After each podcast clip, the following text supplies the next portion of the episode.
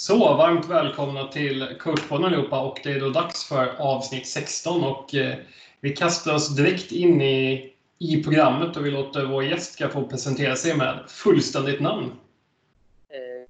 Karl Georg Alexander Brinkman. Ålder? Eh, ja, vad är det nu? Eh, 30. Nyss Längst, längsta betänketiden på åldersfrågan hittills i programmet. Ja, och starkast ångestkoppling kanske. Bor? Eh, Kalmar. Favoritlag? Eh, AIK Fotboll. Är det liksom bara kring fotboll du följer eller liksom är det andra sporter också? Ja, nej, det är bara, bara fotbollen och eh, i ärlighetens namn mer eller mindre bara A-lag herrar. Eh, så. Men eh, ja, eh, ganska stolt ändå eh, som medlem över ungdomsverksamhet och eh, sådär också. Vi tänker, favoritlag är ju ett rent supportermässigt förhållande, men har du några lag du ser upp till liksom för att hämta inspiration eller att någon ledare som du känner att den här är intressant att följa? Eller att det här laget är kul att se för de spelar den här typen av system? Eller? Nej, inte, inte riktigt. Ledare har man ju en massa olika som jag följer, men eh, ingen, ingen klubb så eh, som, eh, som står för något. Jag är inte så eh, filosofiskt laget på den fronten tror jag. Coachuppdrag, hur startade din eh, tränarkarriär? Eh, jag blev, eh, man brukar säga inlurad, fast det var, det var bra, eh, bra lurat eh, av min idrottslärare då, Thomas Bäckman, eh, att eh, börja hjälpa hans sons grabbar i, i Uppsala. Numera Uppsala Life IF, då Livets Ords IF. Så jag sprang runt i Allianshallen där från början. Och sen så, det var när jag var 15, så 2005. Tränade Eh, mina små 95-or eh, som de var då. Nu ser jag på Facebook och sånt att de är gifta och eh, slutat spela innebandy tyvärr, många av dem. Men eh, ja, vad gjorde jag sen? sen? Det var ju liksom kombinerat med att jag spelade eh, och så hjälpte jag väl till i lite olika lag och var spelande tränare och sådär. Men sen var det väl egentligen eh, ja, i samband med att jag gick ut min utbildning på Bosön 2012 så var det liksom då tog det väl lite mer fart på allvar. Eh, så eh, Thomas Davis som då var huvudtränare i, i Täby hade jag pluggat med Bosan. Bosön. Eh, och han eh, ja, bjöd väl in till att jag skulle kunna vara med där och jag, jag var inte sen att tacka ja. Det kändes jättespännande. Eh, så att jag var egentligen från att ha varit liksom på, på lägre nivåer och lite spelande tränare och ungdomslag till SSL dam. Det hoppet var ju ganska stort och eh, man eh, har väl saker som man önskar att man gjorde bättre då. Eh, men det blev bara ett år där. Eh, Thomas slutade och, och jag eh, var väl sugen på något annat. Liksom. Det var kanske inte riktigt eh, som jag hade trott att, att det skulle vara på högsta nivå. Eh, ja, sen var det några korta svängar för att göra en lång historia någorlunda kort. Så hade med Sala, en ekonomi som kraschade totalt och alla avtal sades upp efter jag hade bott där i två mm. månader. Eh, och sen så kan väl säga att de stora grejerna efter det har varit eh, säsongen 2014-15, Huddinge IK. Eh, det var mitt första huvudtränaruppdrag i SSL. Och sen så eh, efter en säsong så, så hann jag med att tacka nej och tacka ja till Endre på 24 timmar. För det var, det var lite för bra för att missa kände jag. Eh, och efter det så var jag ju jäkligt medveten om att det var dags för lite, lite kontinuitet. Så där blev det. Eh, ja, jag fick gå in på min fjärde säsong i alla fall. Eh, ja, precis 2015 till då eh, 2018 december. Eh, ja, mitten på fjärde säsong fick jag lämna där. Eh, icke självvalt och sen så från och med våren 20 blir åren 2019 så är det FBC Kalmarsunds herrlag. Det är intressant att nämna här med liksom att det inte var självvalt att lämna Ender. Eh, det är ju tyvärr en vardag som det drabbar väl i stort sett alla tränare någon gång under karriären, att man får lämna ett uppdrag utan att man är helt överens. Eh, jag tänker känslomässigt, hur hanterar man en sån sak? Liksom att kollar man om alla säsongens matcher i videoanalys och försöker se vad gjorde du för fel eller släppte du bara innebandyn fullständigt eller hur gjorde du för att hantera det? Mm. Nej, först så blir man ju... Vi hade haft... Under mina fyra år så hade vi nästan haft de två, två bästa veckorna eh, träningsmässigt bakom oss. Vi hade ändrat ganska mycket inriktning. Jag var inte särskilt nöjd med vårt spel i början på hösten. Eh, så hade vi en vecka där vi hade Iksu hemma. Otroligt tuff match. De hade vunnit alla och vann den med. Men vi eh, torskade med något mål. Och sen vann vi mot Täby och Göteborg. Vi hade en sån här dubbelhelg, fredag, söndag. Och sen fick jag gå på måndagen. Eh, så att först så vart man ju lite sådär paff och eh, så jäkla besviken. Eh, så att jag... Ja, vi skulle precis träna, men jag, jag skulle inte vara med så att jag åkte hem och la mig på soffan och, och grina. Eh, och sen så... Ja. Sen är det flera olika delar i det där. Liksom vi, eh, man bodde på Gotland, jag är inte därifrån. Så att började fundera på vad man skulle göra.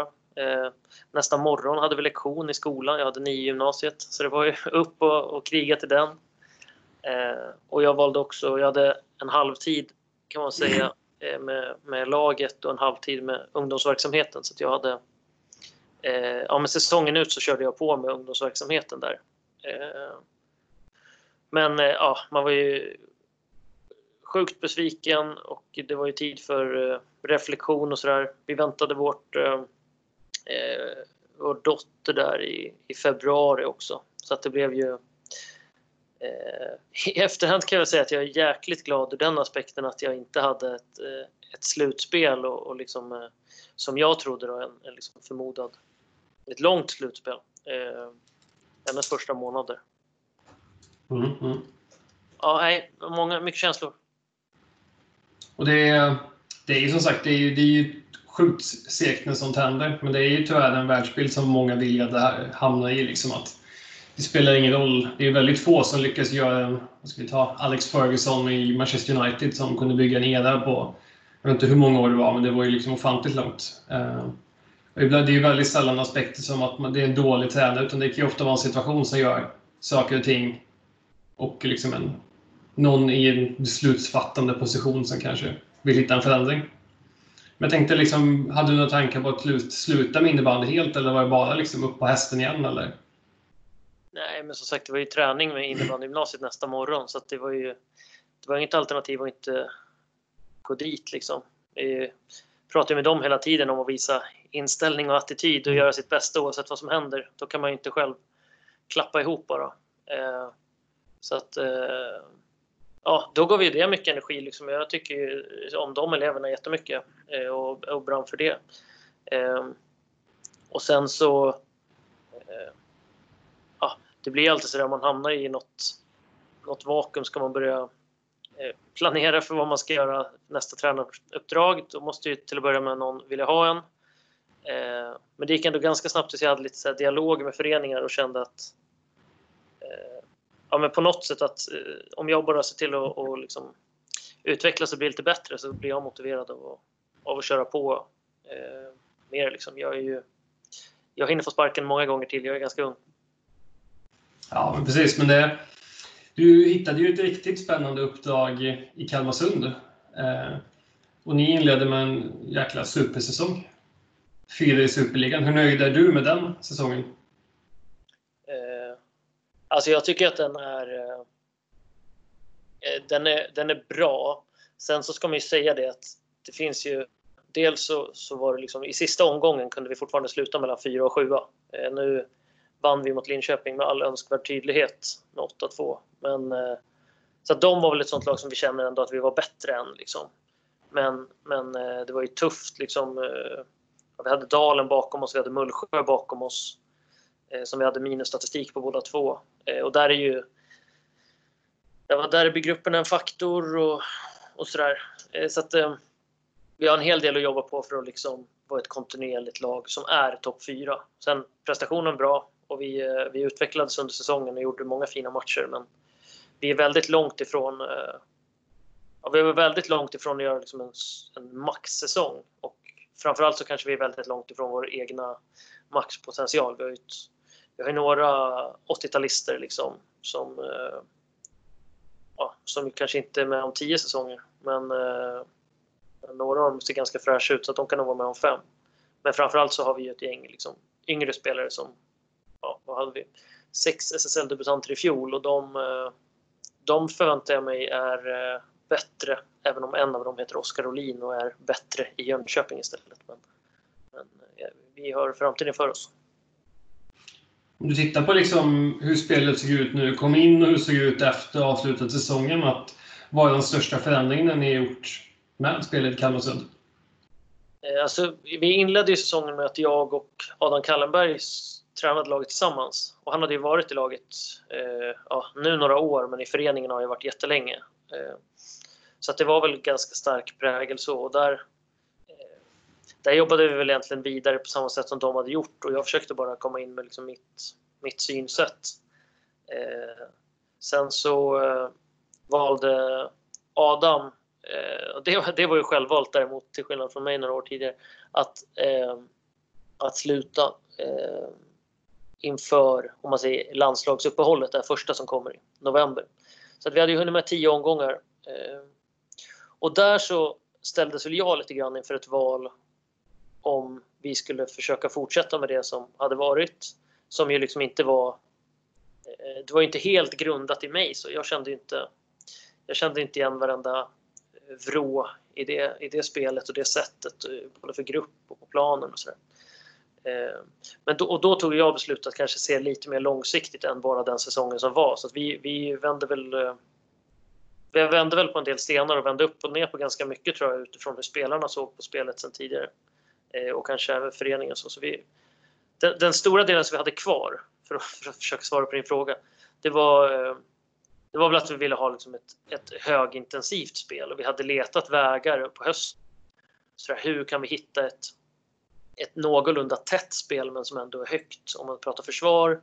Och eh, sen jobbade vi ganska mycket på att bli rakare på mål så att det blev liksom generellt en intensivare match eh, varje gång vi spelade. Så att, så att eh, Dels för att jag tror att det är bra för att, att se till att vinna matchen man är i, men också för att jag tror att det är långsiktig framgångsfaktor att kunna spela intensivt och, och underhålla folk och dra, dra folk och ja, med alla synergieffekter det får. Liksom. Cash in och eh, möjlighet till mer cash ut. Det känns ju väl som att ni har jobbat väldigt mycket med att utveckla ert befintliga spel, men jag tänker lite när man sitter i den här processen att man ska försöka bygga någonting. Hur mycket väger man in potentiella motståndare i det bygget? Att Bygger ni ert spel för att ni ska vara bra mot att möta en viss typ av motståndarlag eller fokuserar bara på era styrkor? Att den klassiska vågskålen, liksom, sin egen kunskap och motståndarens kunskap, vad, hur väger ni in där? Eh, jag, jag, eh, I kommunikationen till spelarna så skulle jag säga att det är kanske 95-5, vårt spel. Eh, och sen så kan man säga så att när jag Alltså när man, när man bygger spelet från början så tar man ju hänsyn till en massa olika saker. Och där kan man väl säga att jag, jag börjar väl egentligen alltid i den änden att jag kollar på eh, primärt vad, hur ser omgivningen ut? Eh, dels hur de spelar för att kunna hitta eh, ja, olikheter från det, för jag tror att det är bra att spela på annat sätt än vad andra lag gör. Och sen också kanske var, generellt, vart finns de största hoten i ligan? Eh, och ännu mer spetsigt, som oss då, om vi säger att vi, vi krigar om och, och blir topp 4-lag. Vilka är vi i realiteten slåss mot? Det är ju ja, men Pixbo, Mullsjö, Dalen, Linköping. Eh, ja, eh, glömmer säkert någon liksom. Men vi, vi vet att Storhet och Falun är starka. Liksom. Vi har en väg att vandra för att bli bättre än dem. Och sen så finns det ett gäng liksom bakom oss som, som vi eh, en bra dag slår. Eh, och då är det egentligen de lagen som är i vårt lilla kluster där i mitten. Eh, vad krävs för att slå dem? Hur kan vi plocka ner deras styrkor? Eh, och så bygger vi vårt försvarsspel därifrån och sen så kollar vi på deras försvarsspel och så bygger vi vårt anfallsspel därifrån. I kombination med att man kollar på vad har vi själva för, vad har vi själva för spelare. Liksom. Eh. Sen så är ju jätte, en jätteviktig del är ju såklart eh, ja, men, vad spelarna är vana med. Alltså vi, har ju ganska, vi spelar ganska olika med, med vårt lag. Vi har ju men en första femman som har spelat ihop flera säsonger och, och som har spelare som har, har gjort liksom, de har gjort jättemånga SSL-säsonger och, och, har ju saker bevisligen som funkar. Liksom. Då, då behöver man inte kanske få dem att förändra sitt, sitt spelbeteende så jättemycket. Däremot så kanske med de här yngre så kanske vi jobbar mer med, Eh, med att sätta grunder som, som jag tror på som kanske kommer bära vårt lag i många år framöver. Eh, liksom förutsatt att jag är kvar. Eh, och så låter vi kanske mer liksom de, de äldre och som vår första femma med, med Kevin Björkström och Marcus Johansson och Simon Nilsson, Kim Nilsson. Eh, Tim Neander för all del, men han är yngre. Men, men de andra fyra, liksom, som, de har ju sina grejer. Där, där handlar det bara om att vässa det. Eh, men jag kommer inte... Jag och vi ledare är ju kanske inte de som kommer eh, utveckla dem så. Eh, utan vi ska väl maximera deras kapacitet bara. Det känns som att, nu tolkar jag det lite här, men det känns som att ni har ganska olika spel då i olika formationer beroende på vilka spelare som är, är där. Liksom. Hur mycket kan det skilja mellan två formationer i liksom, olikheter i spelet? Nej, men för, för, oss skiljer det ganska mycket. Jag tror alltså det är en utmaning såklart för alla lag och det, det är kopplat till vad man har för truppsammansättning och vad man har för hållbarhet i truppen och sådär. Eh, men, men vi har väl, man kan ju säga så att FC Kalmarsund har ju gått, liksom gjort en resa senaste 4-5 åren där man ja, dels så värvade man hem de här som jag nämnde nyss och när det blev SSL så fick man in Kevin Björkström också. Eh, och där har man liksom byggt en de har ju satt en grund redan i Allsvenskan där de har kunnat spela ett etablerat spel och ha tålamod och, och gnugga på motståndarna med boll. Eh, på ett sätt som inte så jättemånga femmor ändå gör i, ja, men i innebandy överhuvudtaget utan det är ju kanske mer fotbollseskt att liksom jobba, jobba possession. Så. Eh, och där så, det har ju vi jäkla nytta av för att de är bra och de gör massa mål och sådär. Eh, Sen så har vi ju kanske med övriga laget då försökt jobba mer med, med liksom en ökad intensitet eh, och, och, mer kanske kopplat till egentligen vad, vad jag står för. så. Eh, och så försöker vi liksom bygga ihop det. Jag tror vi har ganska stora vinster av, att, av den pulseringen. Eh, och, och, där så jobbar vi mycket med de andra formationerna, liksom rakare på mål, med ett kanske mer påtagligt återerövringsspel och och dessutom så har vi ju en femma som föregående säsong till exempel spelade spelade man-man och det är ju också ett sånt... Alltså, där har vi, ja egentligen, vi hade ju fem spelare som har, har den historiken med sig från, eh, från Salem. Eh, de har tagit lite olika vägar men de har ändå fått, fått med sig det från Salem. Eh, eh som ju har varit eh, en förening som spelar jätte, jättebra innebandy liksom i, i Allsvenskan i Stockholm. Så att, egentligen så känner väl jag att jag som jag sa nästan initialt att jag är liksom inte så filosofiskt lagd kopplat till hur man ska spela utan jag vill att vi ska eh, vara bra. Men, men just intensiteten vill jag åt och det, mycket av det är ju med bollen. Alltså vi, vi tar bollen, bollen snabbt till mål när vi, när vi kan. Kanske mer då i de formation 2 och 3. Men hur, om man då ska göra någon förändring här, vi säger att man ska gå ner på 2 5 så vill du ha med någon från tredje femman som är steket med fyra spelare från andra femman. Är den överföringen svår? Eller blir det liksom en klyfta i och med att spelet ser olika ut? Nej, men där, eh, vad ska man säga, det, vi fick ju börja om lite grann i november som var nu. Så det blev lite som en försäsong mitt i säsongen. Eh, och vi, vi började med på, på åtta dagar skulle vi möta Storvreta, Linköping och Falun. Och där så är det klart att då försöker man hålla ihop laget. För det finns liksom ingen, det är ingen tid att träna in plan B. Så. Eh, och sen försöker man hoppas på att det håller de gångerna man verkligen vill göra förändringar.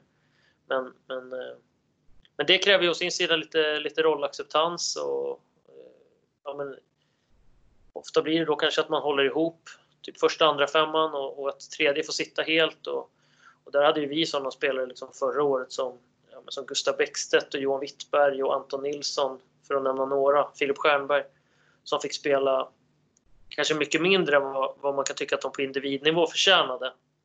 Men eh, ja, som, som till oss som lag eh, liksom gjorde det möjligt för oss att sluta fyra i tabellen. Eh, och, och de kommer säkert ha, ha bättre roller kommande säsong. Inte, inte Gustav Bäckstedt och Johan Wittberg kanske, de, de spelar inte laget längre. Men, men om man säger om man bygger på där, Adam Nilsson, William Almlöv, eh, Max Johansson. Eh, och, och, ja, det krävs ju. Det krävs ju att det är några som, som eh, gillar läget liksom, eh, vid sidan av eh, och, och, tar den fighten på träning istället. Eh, och sen så gäller det ju det långa loppet och där tycker jag vi kom mot slutet av säsongen att man kan ja, men, träna mer på andra alternativ. Mm. Eh, och, och så, att, så, att, fler spelare känner igen ja, men hur gör vi när vi spelar man man. Det är väl den stora grejen. Vårt grundspel till exempel i försvarsspelet, första femman och tredje femman var inte så stor skillnad. Så där är, ju, där är det lättare att hoppa, även om vi ofta håller ihop våra första femman. Vilka lag i Superligan skulle du säga är roligast att möta? Det kan ju vara liksom att det blir alltid bra matcher mot de här. De här är derby-känslan liksom eller att de här är kul för man får mäta sig mot de bästa. Eller här gör vi mycket mål. Eller? Ja, alltså min moderklubb är ju Storvreta. Så det har ju någonting. Eh, men eh, sen så, alltså det är klart. Växjö-derbyn liksom. Det var ju häftiga matcher förra säsongen. Det var lite synd att vi, vi vann båda borta. det är ju jäkligt kul att vinna borta också. Men, och, och, så tappade vi snöpligt och torskade i sadden hemma. Men, men Växjö skulle jag säga. Om vi tänker lite mer liksom det här träningsveckan, hur den är uppbyggd. Liksom. Hur stor del av träningsveckan består av att ni som lag tränar på att bli bättre på att spela match? Eh, men jag, 99 procent. Eh, vi har ganska eh, ja, i viss mån har man ju liksom färdighetsträning eh, som man kanske mer liksom jobbar med på, eh, på liksom ungdomsnivå eller elitförberedande nivå. Men eh, vi, eh, vi, vi jobbar... Man kan säga att den färdighetsträningen vi har är ju på något sätt kopplad till matchen som kommer. Eh, så att det är, liksom, det är ju extremt lite, om ens någonting, som liksom är eh, generell färdighetsträning. Utan då är det ju Eh, då är det färdighetsträning kopplat till matchen, att vi, vi passar på att träna på eh, om vad det nu kan vara. Liksom, eh, tempoväxlingar med boll. om vi tror att det är en, en sån match på gång där, där några spelare kommer utsättas för sådana lägen om det ska vända mycket till exempel. Eh, dueller framför mål och man vet att ja, snart kommer Johan Roos liksom chippa in den framför kassen och, och spela 6 mot 5 och, och, vända mot oss som de gjorde då en match. Då är det klart att då, då tränar vi ju på, på dueller framför mål den veckan. Men det är ju, ja som sagt, det blir ju på något sätt eh, matchspecifikt det också. Men om man ska träna liksom matchspecifikt här, eh, hur mycket skulle du säga är isolerade slash matchlika övningar? Där man kanske bryter ut ett enstaka moment, som du nämnde här, dueller framför mål. Eller hur mycket skulle du säga teori där man pratar om någonting innan, och sen går vi ut och spelar fem mot fem och nu förväntar vi oss att det vi pratar om på teorin sitter? att den vågskålen, liksom, hur skulle du dela upp det? Ja, det beror ju helt på hur, hur eh, matchfrekvensen är. Men eh, får, man en, får man en hel vecka på sig, som, som min första vecka till exempel efter att Adam slutade där, då hade vi ju Eh, då hade vi Storvreta på lördagen och hann med fyra, fyra gemensamma träningspass. Eh, och typ en sån vecka då eh, ganska tidigt så brukar vi bygga in ganska mycket liksom, teori och tänka och så kanske att vi försöker ha spelformer och, och övningar på träning som ja, bjuder in till att vi jobbar på det som vi tror blir viktigt på matchen. Eh, sen så eh, brukar vi väl ja, men sådär traditionellt att kanske näst sista passet Eh, innan match så, så, då börjar man ju hoppas att eh, det mesta man vill göra sitter. Liksom, I den mån det går att påverka på en vecka så. Eh, så att då brukar jag försöka liksom på den, om man ska prata sådana termer, liksom taktiska belastningen. Eh, och sen så eh, sista träningen inför match, då blir det ju mer kopplat, ja men, såna klassiska delar. Dels att det är kortare, alltså intensivt men kort, eller intensivt och kort. Eh, och sen att det är liksom kopplat till special teams eller formationsförberedelser. Sådär. Typ så. Jag tänker, vi var inne och pratade om det här med liksom att i stort sett allting på superliganivå är kopplat till en match och en prestation. Eh, och det är ju liksom så det så ofta ser ut uppe på den här yttersta tävlingsspetsen liksom som superligan är. Men det är ganska intressant att se om man skulle koppla här mot ungdomssidan. För du har haft roller både i Ände och i Kalmarsund och även aktiv på ungdomssidan i föreningen. Att hur stor skillnad är i träningsupplägg där? Är det också liksom riktat mot match eller prestation? Eller är det mer liksom någon form av färdighetsträningsupplägg där? Eller hur, vad skulle du säga är den generella stora skillnaden? Ja, men jag skulle säga att man kan säga den perioden som vi är inne i nu med SSL-laget. Nu är det ju speciella tider, liksom, eh, corona och vi tränar mindre, mindre ihop överhuvudtaget. Vi tränar mindre inomhus. Eh, sådär. Men, men man kan säga att försäsongsträningen för oss med herrlaget i FPC Kalmarsund är ganska lik så som jag tänker att ungdomsträningar liksom bör bedrivas, eller, man ska säga, eller så som jag tycker att det ska bedrivas. Med ja, men, så hög eh, liksom, mängd aktioner som möjligt. i det man brukar prata om. Att, att bryta ner spelet till att spela liksom, typ 3 mot 3 eller 2 mot 2 istället för eh, någonting annat. Och sen att man tajtar till formatet liksom, så att det blir eh, intensivt och ställer höga krav på, på idrotten.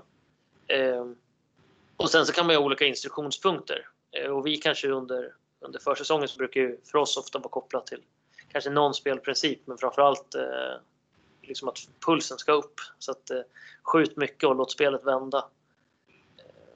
Och, och, det är ju bra på ungdomssidan med, men där kan man ju jobba in liksom helt andra saker. Och, och där så... Eh, ja, nu är det lite så här tävlingsformerna för eh, såväl liksom våra lokala småländska serier som, som Svenska innebandyförbundet bjuder in till att ändå ganska tidigt spela spela stort spel. Liksom. Det är många som, eh, alltså, jag kan tänka liksom ledare och sådär, jag har ju massa sådana diskussioner.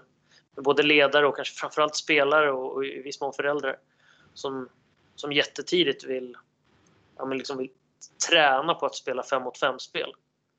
Eh, och ja, för min del så jag tycker att de, de, de bästa spelarna jag har fått upp liksom i, i SSL på en gång, det är ju sådana som har Eh, ja, men kanske spelat man-man eh, eller någon form av markeringsspel.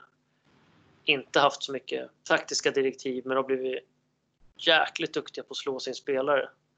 Eh, och några jättetydliga exempel på mig är liksom, ja, som i år fick upp Gustav Adell och, och Alvin Hedstål från RIG som direkt bara blir eh, klockrena SSL-spelare. Eh, ännu mer extremt exempel var väl i Endre när vi fick in Ellen Bäckstedt. Eh, också från RIG som som kanske liksom inte... Ja, men, den första teorin kanske inte satt liksom exakt där det skulle men det spelade ingen roll för att hon kunde göra något annat och så stod man ändå och gapade liksom, för att hon var så bra.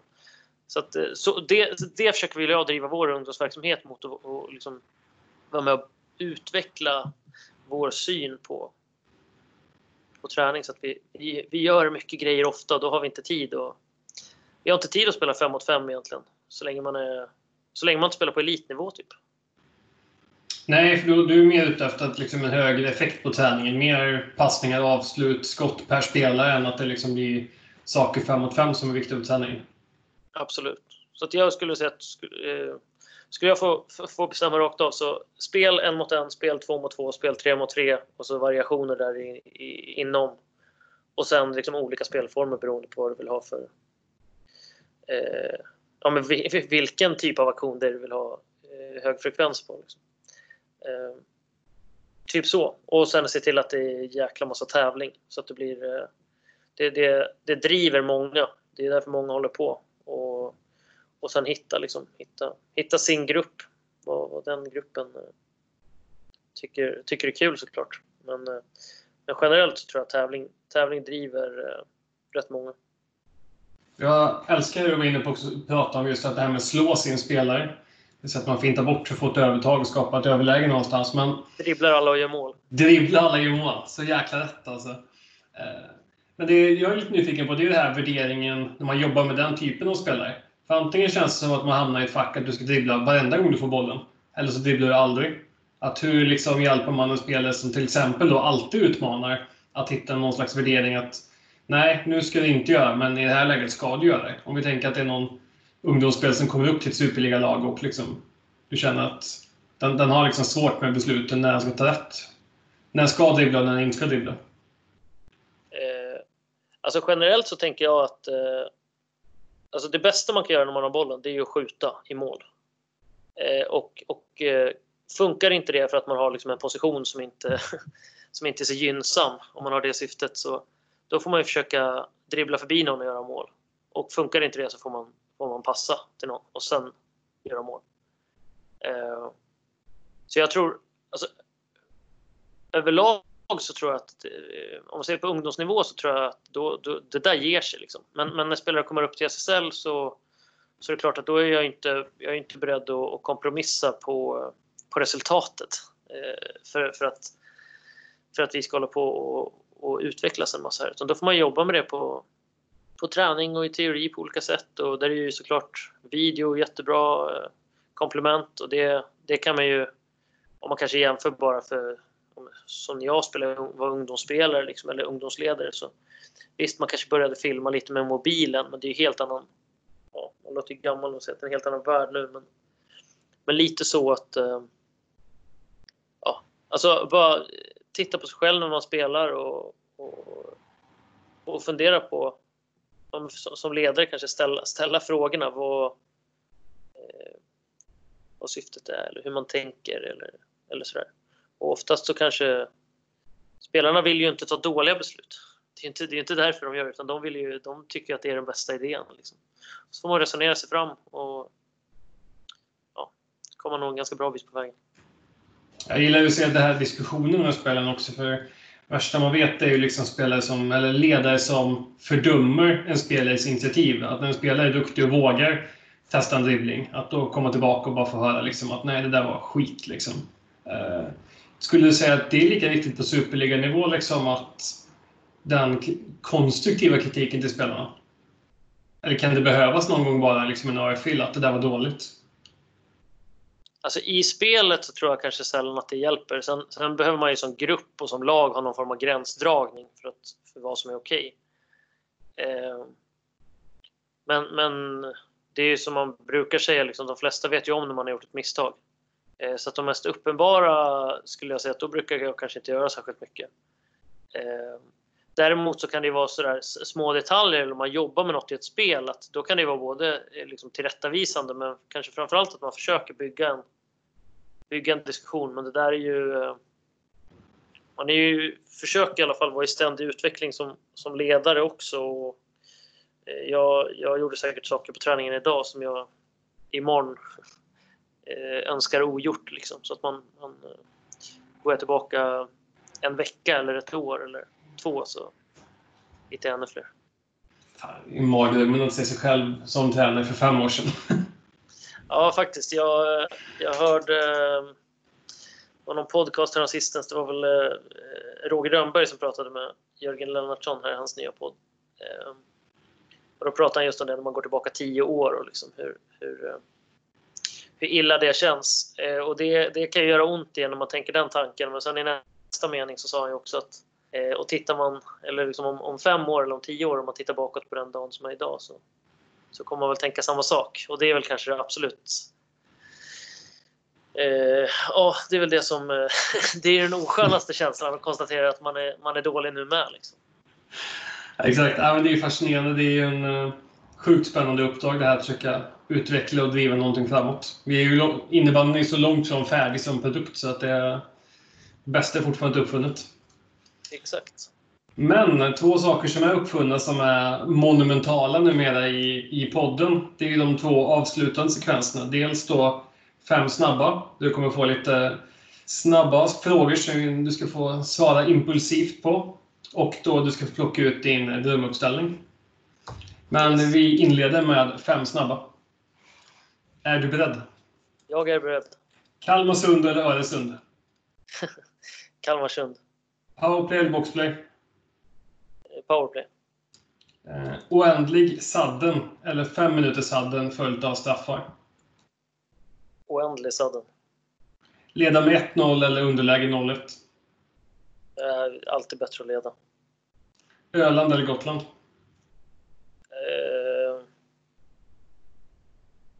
absolut Öland. Långt svar för att säga absolut sen, men, men absolut Öland. Ja, men Öland är fint. Det har man många semestrar förhoppningsvis framför sig. Drömuppställningen då? Du får själv välja vilka du vill plocka ut om det är några du har coachat eller spelat med eller om du, det står dig helt fritt att plocka ut, plocka ut en målvakt och fem utspelare. Man får ju skita i målvakt också och köra sex utspelare om man vill det. Ja. Och sen då om man vill ha någon ledarstab till det här med någon ledarkollega. Ja, fint. Eh, jag ska absolut ha en målvakt. Eh, mitt, mina två första säsonger i, i Endre så hade vi eh, en målvakt som ibland kändes som att det var fusk. Eh, Lisa Kokkonen.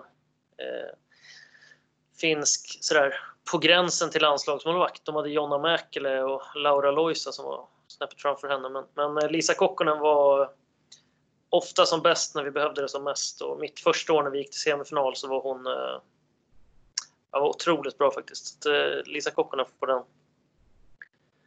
Eh, sen på eh, backplats så eh, skulle jag nog börja med ytterligare en, eh, en äldre spelare från min första säsong. Eh, Malgorzata Kulsyka heter hon nu för tiden, spelar i Iksu. Malgorzata Pasio hette hon då. Eh, ja, hon var... Eh, gjorde, gjorde mest enklast kanske, men hon var fantastisk på att eh, ja, men hela det liksom närkampsspelet, det fysiska spelet, försvaret, eh, satte sina kompisar och lagkamrater i bra, eh, bra situationer. Fantastisk lagspelare och, och sådär. Ehm, och sen så kanske jag skulle ta något, något eh, lite nyare då i form av en backkollega som blir Kevin Björkström. Som vi har i FBC Kalmarsund nu. Han går ju högerback hem. Han skulle få leva med att spela vänsterback där i form av högerfattad. Eh, ja, han är alltså verkligen unik eh, ja, innebandyspelare och person. Eh, men, eh, men fantastisk. Eh, ja, om man, om man ska använda liksom hybridbegreppet. Men han, han, gör ju, han får ju oss, tycker jag, att upplevas lite positionslösa ibland på ett bra sätt. Och, grym teknik, bra, bra passningsspelare. Eh, fin försvarsspelare också och, liksom kan täcka skott och så här, som jag tror att han kanske inte gjorde supermycket om man går tillbaka tre år i hans innebandykarriär.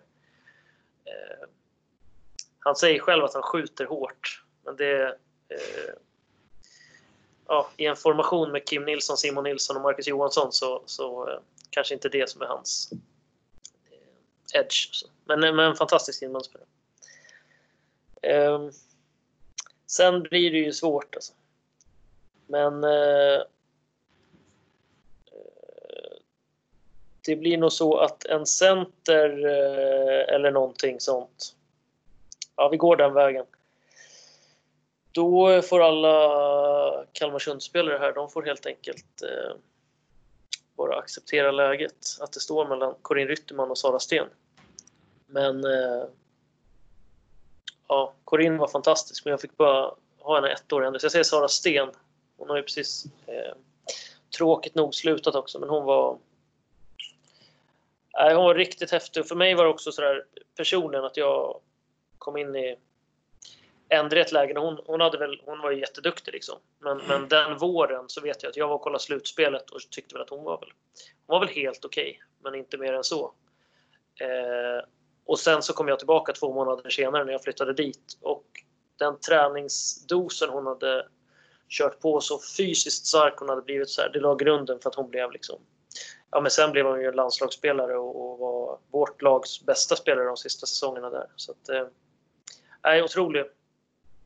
Och eh, det blir lite, det blir lite mycket högerforwardsvibbar här med Sara Sten center. Men sen, jag kommer behöva ha eh, nummer 7 och nummer 17 där framme. Det blir Kim Nilsson och Anna Jakobsson som får slåss om att göra mål. Uh.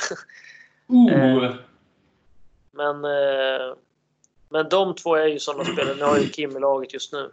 Eh, men jag kan väl säga att när jag började träna mina små 95 er när jag själv var 15 år och man var och kollade på Storvreta AIK SSL eller man såg Anna Jakobsson på TV så kanske man inte trodde att man skulle träna dem.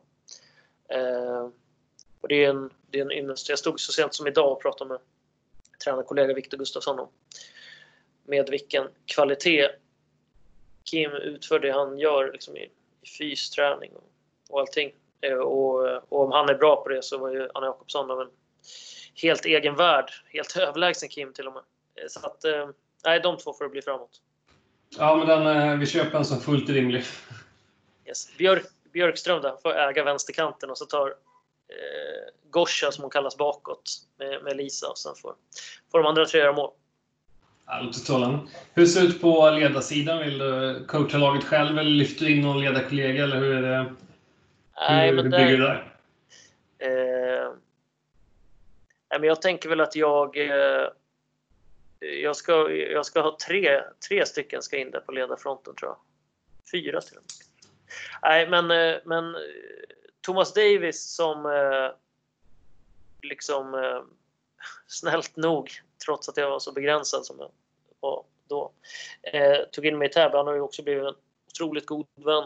Eh, men eh, han, får vara, han får vara någon form av, eh, jag vet inte om han är sportchef, men han, är, han, han, han bossar. Gudfader. Han, han, han, behöver inte göra så mycket. Han, ska bara sitta någonstans. Han får vara någon senior advisor. Och sen så Eh, jag, jag återkommande nu så skickar jag ju små, små kärleksbrev till Viktor Gustafsson som är min nya kollega. Han är faktiskt eh, är ynnest att få jobba med honom. Verkligen en ny. Eh, med all, all respekt för de har jobbat med tidigare men, men han har verkligen eh, lyft min motivation så att han får, vara, han får ta någon form av headcoach-ansvar. Eh, eh, och sen så får eh, vi står med någon bakom också som, som analyserar lite och kör lite video. Så det blir Jocke Sjöstrand på, som jag jobbat med ja, fyra säsonger och andra. Han, eh, ja, honom, eh, återigen med respekt för alla andra, men honom saknar jag fan. Det, det vet han om också. Vad, vad tar du själv för roll i den här staben då? vi har jättefin eh, VIP-balkong här nya arenan, Kifab arenan. Så att jag sätter mig, eh, jag sätter mig där uppe och kikar. Eh, jag tror att man lite offensivt viktat kanske, så man skulle kanske få lite huvudbry annars. Så jag, jag håller med på läktaren. Ja, men det är fantastiskt. Det är, en, eh, det är som alltid med de här uppställningarna. Man hade ju velat se dem matchas mot varandra här. Ja, det har varit en jag har hört någon. Jag har ju hört någon tidigare sådär som, som kanske är mer realistisk. Det här kommer vi tyvärr nog aldrig få se, men jag håller med. Ja, men grymt! Och vi säger också ett eh, stort tack för att du medverkat i coachpodden. Tack själv! Bra jobbat med, med podden. Kul att det händer lite på innebandy poddfronten.